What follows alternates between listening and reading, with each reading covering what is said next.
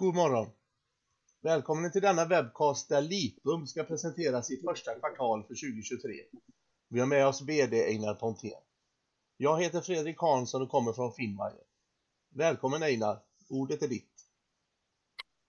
Tack så mycket för det och tack så mycket till er som eh, lyssnar på den här webbcasten. Eh, jag hoppas att jag ska kunna ge en innehålls rik uppdatering, men jag kan också säga att den kommer bli relativt kort därför att det var ganska nyligen som vi hade en sån här webbcast och rapportering och även om vi är väldigt produktiva och det händer mycket så, så eh, finns det ju begränsningar även på Lipum. Eh, så att jag hoppas att ni har frågor så vi kan eh, eh ta vara på tiden på bästa sätt. För sammanfattningsvis kan man säga om första kvartalet, det som står i titeln på den här eh, framsidan, att eh, vår kliniska studie går väldigt bra och samtidigt så kan man säga att den går enligt plan. Eh, eh, det, det, är klart att man planerar för att det ska gå bra, men, eh, sam, men ofta i kliniska sammanhang så kan det hända saker och man måste ändra sina planer och det slipper vi. Vi, vi går till och med precis enligt tidtabell. Vad är det då vi sysslar med? Jag lite kort för dem som inte känner till Lipum så väl så bygger vår potential och vår utveckling på upptäckten av ett protein som kallas för Bile Salt Stimulated Lipase eller förkortat BSSL. Det här proteinet eh, har eh, Lipums grundare upptäckt är involverat i inflammatoriska processer och eh, det finns då en omfattande preklinisk dokumentation som visar betydelsen av BSL i samband med inflammation. Och eh, eh, väldigt många av de här prekliniska modellerna då är gjorda för kroniska inflammatoriska tillstånd och framförallt artrit. Så därför har vi utvecklat en läkemedelskandidat som är en humaniserad antikropp som heter SOL 116 och i och med att Sol 116 är riktad mot BSSL så är det ju en helt unik target och därmed är också Sol 116 en så kallad first in class eh, läkemedelskandidat, det vill säga någon, en, en, en princip som har potential att förändra behandlingen av eh, eh, kroniska inflammationer. Och under det senaste kvartalet så var ju den viktigaste rapporteringen var ju förstås att det, vår kliniska prövning i fas 1, säkerhetsstudie i fas 1, löper på precis som det var tänkt och att allting går bra. Eh, jag ska återkomma till det. Men vi kunde också rapportera att eh, valberedningen för Lipum föreslår årsstämman eh, nyval av Carl-Johan Spak till som styrelseledamot. Eh, Eh, Carl-Johan Spak är, eh, har väldigt stor industrierfarenhet och han representerar då eh, i, eh, kommer representera i styrelsen vår största ägare som är Flerinvest. Och Flerinvest eh, blev största ägare i Lipum i höstas i samband med att vi gjorde en riktad eh, emission. Och eh, Fleri är specialiserad på investeringar i life science-bolag med eh, stor potential. Jag har på denna sida också låtit vara kvar vår agenda för olika typer av aktiviteter och en aktivitet som vi har varit på under kvartalet var BioEurope. Eh, timingen på det var ganska väl avvägd för då kunde vi också rapportera på det här mötet om eh, våra framsteg i den kliniska utvecklingen. För att återvända till styrelsen så har vi ju redan en kompetent och bra styrelse som leds av eh, Ulf Björklund som styrelseordförande med stor erfarenhet från läkemedelsindustrin och eh, Carl-Johan Spaks eh, erfarenhet och kompetens kommer givetvis bli ett värdefullt tillskott i den här styrelsen. När det gäller möten som BioEurope, eh, eh, industrimöte för life science och i synnerhet läkemedelsbolag så kan det finnas en hel del aktieägare som inte, egentligen inte vet vad de här mötena är för någonting och jag tänkte därför ta med några bilder som ska illustrera det. Eh, det börjar ju mötet börjar egentligen cirka en månad i förväg när man via sådana här webbaserade datasystem försöker boka möten med olika eh, bolag och investerare och service, eh, så kallade kontraktsorganisationer eh, som tillhandahåller olika typer av service, till exempel kliniska prövningar. Och väl på plats när man har bokade möten så finns det mötesbord utspridda eller så är det som man ser på den här bilden till höger så kan man se att det är små eh, nummerlappar uppe på de här rummen. Det vill säga det är små bås och i de båsen finns det ett bord och fyra stolar och eh, genom bokningssystemet så får man då en halvtimme till, till ett möte med till exempel eh, läkemedelsbolag. Och eh, man kan också givetvis gå och lyssna på olika typer av föredrag eller paneldebatter kring olika ämnen som är av intresse. Och nu när vi var, jag och styrelseordförande Ulf Björklund var på BioEurope senast så, så hade vi då möjlighet att återbesöka eller återträffa ett stort antal större läkemedelsbolag, men vi träffade också en hel del nya. Så att vi lyckades ha i alla fall 15 bokade möten och eh, de där mötena är väldigt, väldigt värdefulla. Eh, dels att man får, vi får feedback på det vi gör, men eh, å andra sidan då läkemedelsbolagen vill ju veta hur det utvecklas och, och eh, följer med stort intresse de framsteg som vi gör eh, och för väl e-, egentligen i grund och botten en dialog om möjligheter att hitta olika former av samarbeten. Och eh, i förlängningen så, så handlar det ju om att eh, de här bolagen vill hålla, hålla koll på vad som händer i mindre utvecklingsbolag eftersom vi på sätt och vis utgör en del av deras eh, utvecklingspipeline kan man ju säga.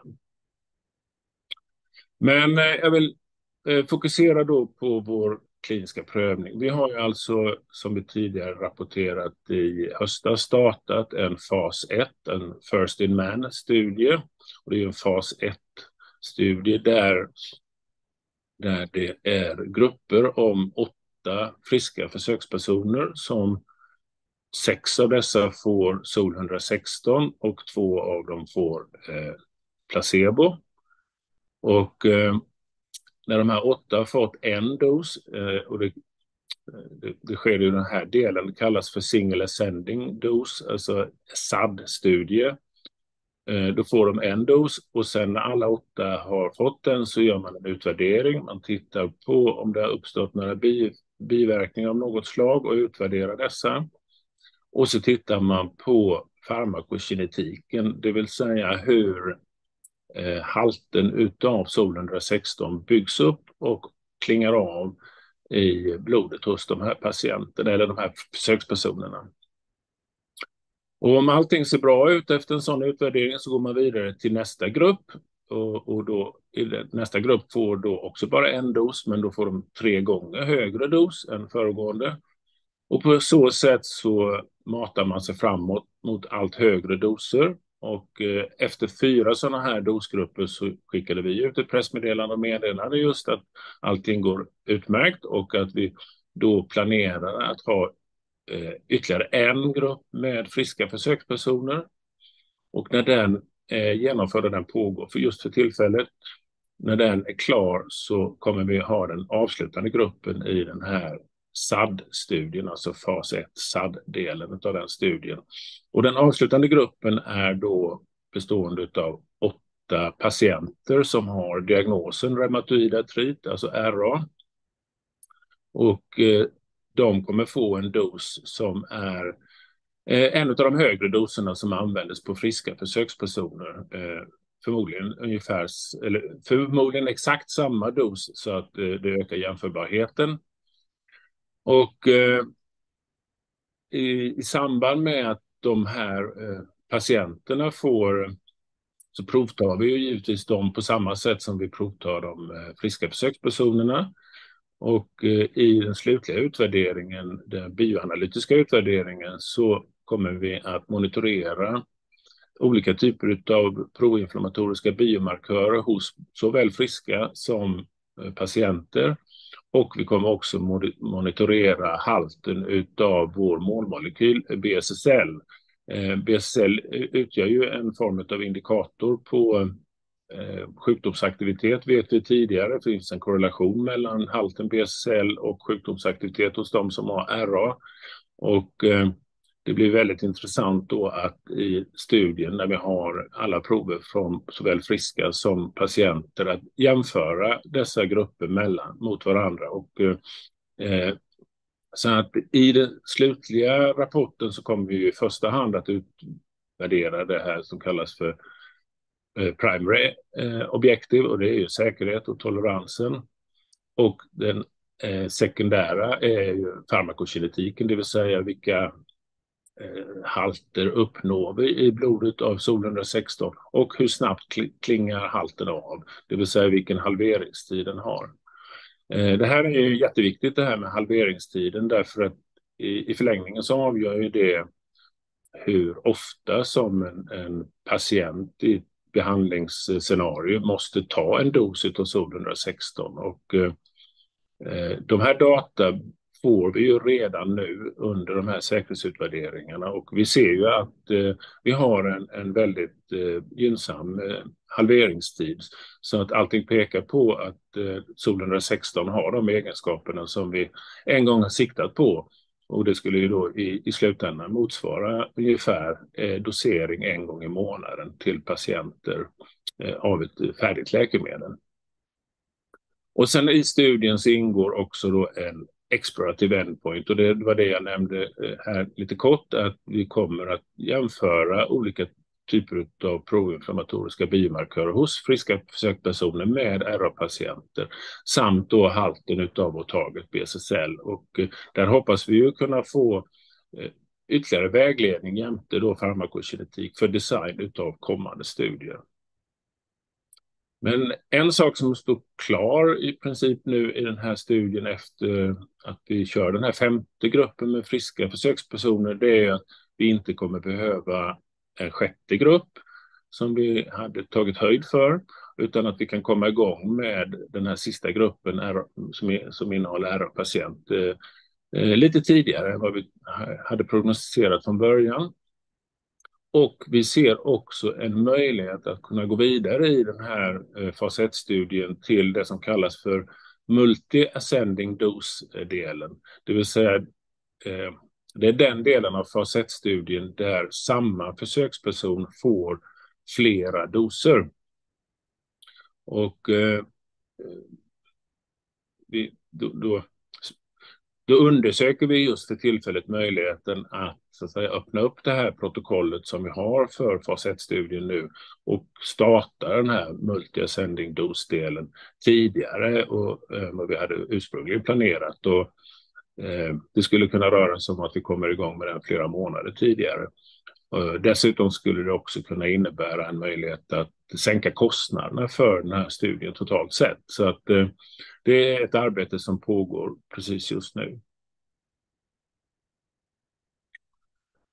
Apropå då RA, jag har ju visat den här bilden tidigare och eh, marknaden för reumatoid artrit bedöms ju nu vara någonstans i storleksordningen 270 miljarder kronor. Och de dominerande läkemedlen är framför allt sådana så kallade anti-TNF-läkemedel, eh, men även JAK-inhibitorer. Och eh, bland de här läkemedlen finns ju då Abbis Humira som är, har varit länge väl ett av världens mest eh, säljande läkemedel. Runt 20 miljarder dollar om årligen och nu först bara på senare år omsprunget av covid-vaccin från Pfizer. Så att det här är ju läkemedel som, och det är en marknad som är väldigt attraktiv. Det är väldigt hög konkurrens självklart, men många av läkemedlen har en likartad verkningsmekanism.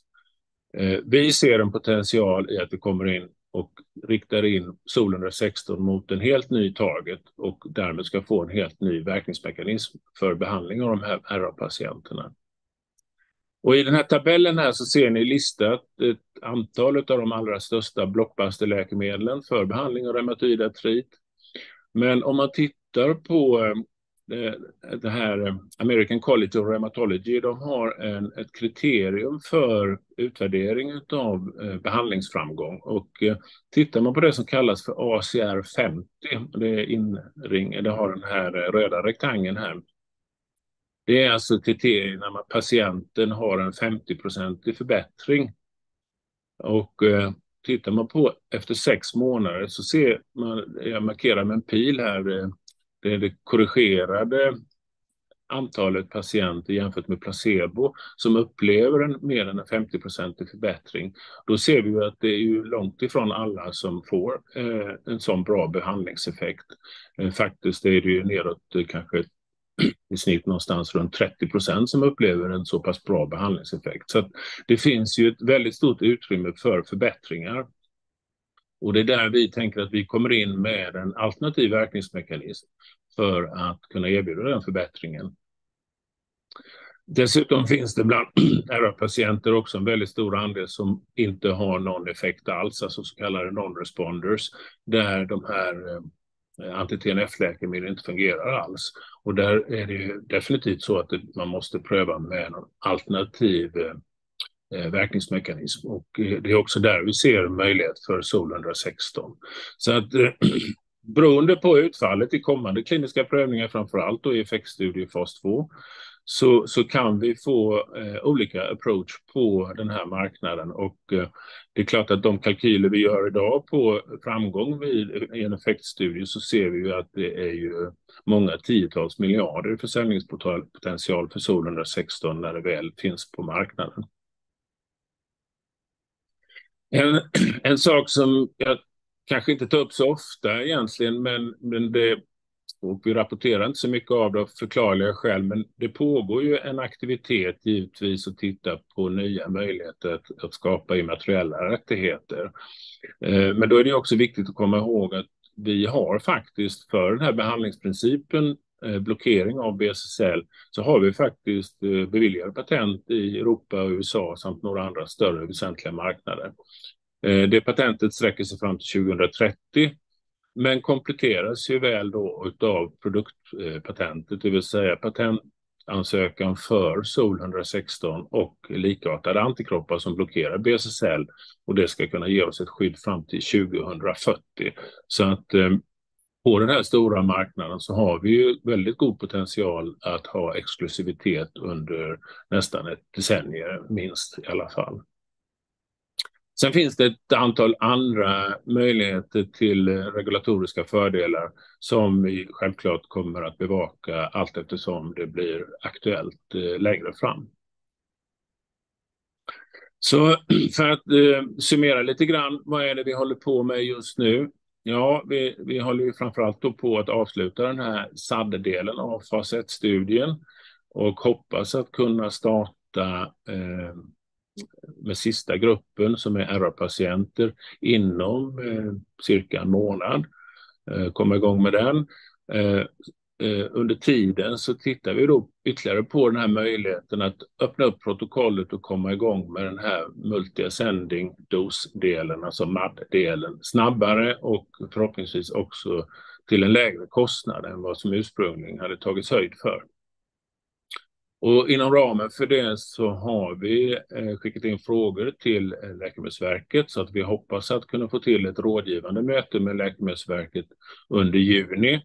Eh, det gäller då framför allt frågor som, som blickar lite längre bort i tiden mot eh, ja, de förberedelser som behövs för fas 2 och utformning av fas 2-studier som i ett positivt scenario skulle kunna komma igång i slutet av eh, nästa år eller början av 2025. Eh, I det prekliniska arbetet är det ju precis eh, lika viktigt som att visa klinisk effekt är ju att också förstå varför man får klinisk effekt. Så att i vårt prekliniska arbete så fortsätter vi arbeta mot för att förstå verkningsmekanismen bättre.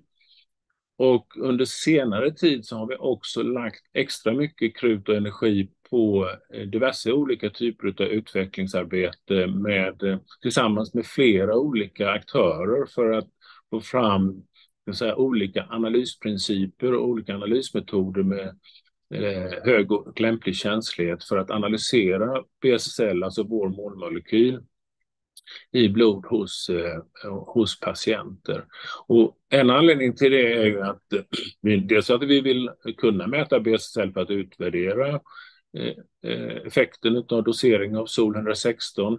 Men det är också så att bra analysmetoder av vår målmolekyl kan i framtiden tänkas vara vägledande vid utformning av kliniska prövningar, till exempel vid eh, selektering av vilka patienter som ska ingå i studien. Sen finns det statistik eh, eh, som visar också att de läkemedel som utvecklas med sån här parallell diagnostik, eller med companion diagnostics, alltså verktyg för att göra diagnostik samtidigt som man behandlar. Eh, den typen av läkemedel har också större chans att nå ett eh, marknadsgodkännande eh, och komma ut på marknaden. Så att det tycker vi är viktigt och det arbetet pågår intensivt och det ser ut att förlöpa som vi har tänkt oss. Och sen är givetvis fortsatt partneringaktivitet viktigt. Det är ju någonting som i synnerhet jag då ägnar min tid åt att upprätthålla kontakten med olika typer av läkemedelsbolag och olika typer av större eh, riskkapitalbolag aktiva inom life science. För att runda av så vore ju inte detta en eh, kvartalsrapport om inte vi redovisade siffror också. Tyvärr så är ju försäljningen fortfarande noll och den kommer fortsätta vara det. Eh, vi förbrukar kapital med den egentligen helt enligt plan och helt enligt budget och vi hade cirka 27 miljoner i kassan i slutet av eh, mars. Och eh, Jag tror inte att man kan spara sig till framgång. Eh, vi har väldigt positiv utveckling. Våra studier går väldigt bra. Vi vill fortsätta framåt så snabbt som möjligt så att vi kommer att resa mer kapital under det innevarande året. För er som är intresserade av att läsa mer om Lipum så kan jag rekommendera vår senaste årsredovisning. Där beskriver vi bakgrunden mer i detalj och också de olika delstegen i vår utveckling som vi har passerat och ska passera. Därmed tackar jag för er uppmärksamhet och hoppas att ni har frågor. Ja, tack för eh, presentationen, Einar. Ehm, det känns eh, sedan vi pratade sist att det här har varit ett kvartal eh, helt enligt plan på alla sätt egentligen. Eh, eh, det har inte varit några bekymmer på vägen, kan vi tänka oss. Det stämmer bra. Nej, men det är klart att nu måste man ha realistiska förväntningar på vad som kan hända i ett kvartal när man håller på med den här typen av utveckling. Men eh, eh, samtidigt ska man ju vara väldigt tacksam när allting går som man har planerat. Eh, när vi väl startar den här, det är ju, jag menar, det är ju en enormt stor milestone i att kunna starta klinisk prövning som vi gjorde då i slutet av oktober. Samtidigt så blir det ju så att när en sån studie pågår så händer det ju inte så mycket att rapportera egentligen mer än att allt ser bra ut.